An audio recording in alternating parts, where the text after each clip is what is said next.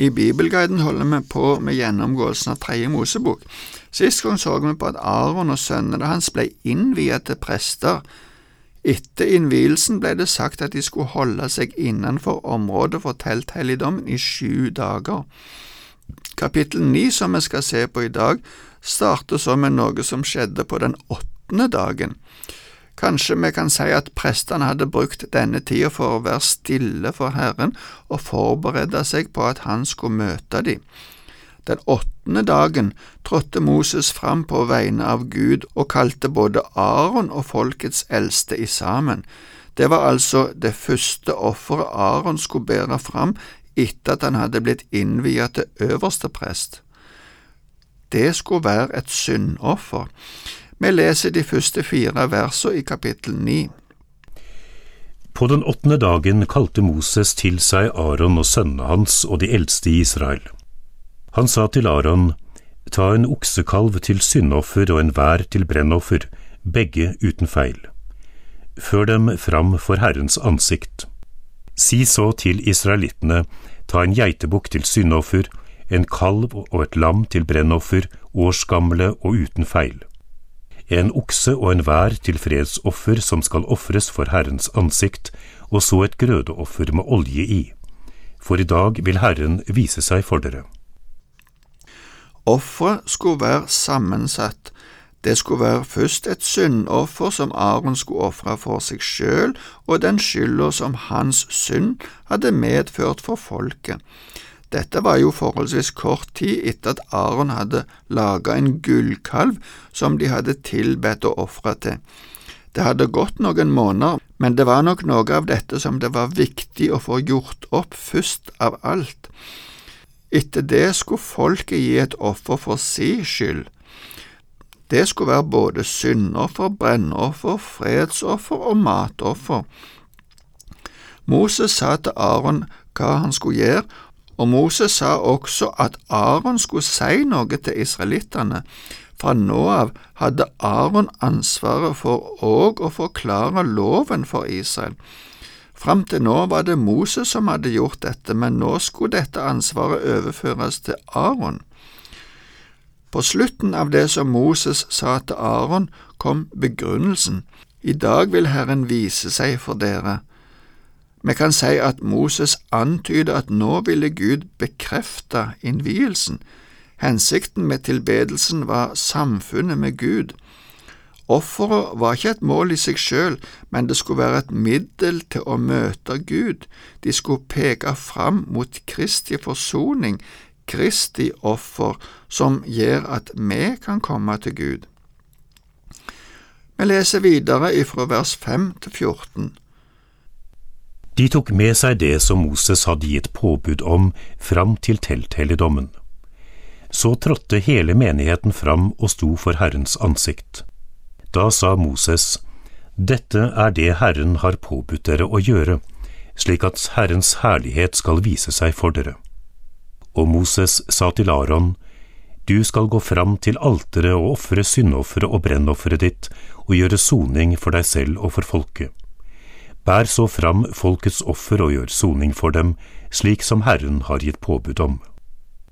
Så gikk Aron fram til alteret og slaktet kalven som var syndoffer for ham selv. Arons sønner bar fram blodet til ham, og han dyppet fingeren i blodet og strøk det på alterhornene. Resten av blodet helte han ut ved foten av alteret. Fettet, nyrene og leverlappen av syndofferdyret lot han gå opp i røyk på alteret slik som Herren hadde pålagt Moses. Men kjøttet og skinnet brente han opp utenfor leiren. Så slaktet han brennofferet. Arons sønner rakte ham blodet, og han stenket det rundt om på alteret. De rakte ham selve brennofferet, stykke for stykke om hodet, og han lot det gå opp i røyk på alteret. Innvollene og beina vasket han og brente dem på alteret sammen med brennofferet. Aron måtte først ofre for sin egen skyld før han kunne gjøre soning for folket. Han måtte sjøl slakte den kalven som var syndoffer for seg sjøl, men sønnene var med og hjalp han. De ofra på den måten Moses hadde sagt, Noe ble lagt på alteret, og resten ble brent utenfor leiren. Men for brennofferet som de ofra etterpå, ble alt brent på alteret. Så var de klare for å ofre syndoffer for folket. Det leser vi om i fortsettelsen fra vers 15 til 21. Så bar han fram folkets offer. Han tok bukken som var syndoffer for folket, slaktet den og ofret den som syndoffer på samme måte som den første. Han bar fram brennofferet og gjorde slik det var bestemt. Grødeofferet bar han også fram. Han tok en håndfull av det og lot det gå opp i røyk på alteret, i tillegg til morgenbrennofferet. Han slaktet oksen og væren som var folkets fredsoffer. Sønnene hans rakte han blodet, og han stenket det rundt om på alteret. Fettet på oksen og væren, både fetthalen, fettet som dekket innvollene, begge nyrene og leverlappen. Alt dette la de på bryststykkene. Aron lot fettet gå opp i røyk på alteret. Men bryststykkene og det høyre låret svingte han som et svingeoffer for Herrens ansikt, slik som Moses hadde gitt påbud om. Bukken som var syndoffer, peker fram mot soningsdagen, som vi skal se på i kapittel 16. Det var ellers både brennoffer, grødeoffer og fredsoffer som var med i denne offerhandlingen. Som avslutning på ofringen skulle Aron velsigne folket. Det leser vi om i fortsettelsen fra vers 22, og nå leser vi resten av kapittelet til vers 24. Aron løftet hendene over folket og velsignet dem. Så gikk han ned etter at han hadde båret fram syndofferet, brennofferet og fredsofferet. Deretter gikk Moses og Aron inn i telthelligdommen. Da de kom ut igjen, velsignet de folket, og Herrens herlighet viste seg for hele folket. Det for ut ild fra Herren og fortærte det som var på alteret, både brennofferet og fettet. Da folket så det, ropte de høyt av glede og kastet seg ned med ansiktet mot jorden. Ordlyden på det som vi kaller den aronittiske velsignelsen, kommer i Fjerde Mosebok kapittel seks, men det kan hende det var denne velsignelsen som ble brukt også her. Aron lufta hendene over hodet. I prinsippet er det det samme som at han legger hendene på hver enkelt av dem. Når én person velsignes, blir gjerne hendene lagt på denne sitt hode eller skulder, men her er det hele folket. I Fjerde Mosebok, som jeg nevnte at vi leser om den aronittiske velsignelse, står det som en forklaring etterpå at Herren sa, De skal sette mitt navn på israelittene, og jeg vil velsigne dem. En del andre oversetter dette med at de skal legge Herrens navn på dem. Det er som å bekrefte at Herren er med og over hver enkelt når de har Hans velsignelse. Etter at Aron hadde velsigna folket etter ofringen, gikk han og Moses inn i helligdommen.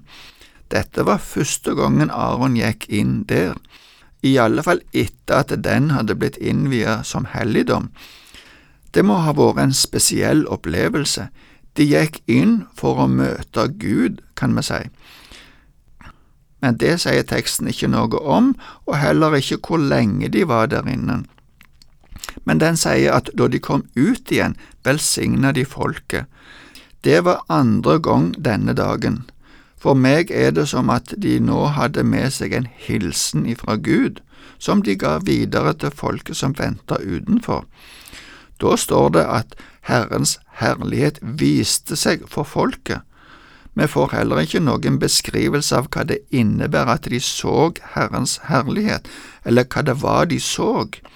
I forbindelse med at Moses fikk steintavlene med de ti buder av Gud, så står det at israelittene så Herrens herlighet som en fortærende ild på fjelltoppen. Det står i andre Mosebok 24, 17. Kanskje det nå så ut som en ild som lyste i skyer over telthelligdommen. Så står det at det for ild fra Herren og fortærte det som var på alteret. Det var nok ild på alteret før, for de hadde jo ofra, men det hadde nok ikke brent opp ennå, Så nå skjedde det noe overnaturlig, kanskje som et kraftig lyn som kom ut ifra den skya som var over teltet. Men uansett hvordan det skjedde, opplevde folk at dette var noe som kom ifra Gud.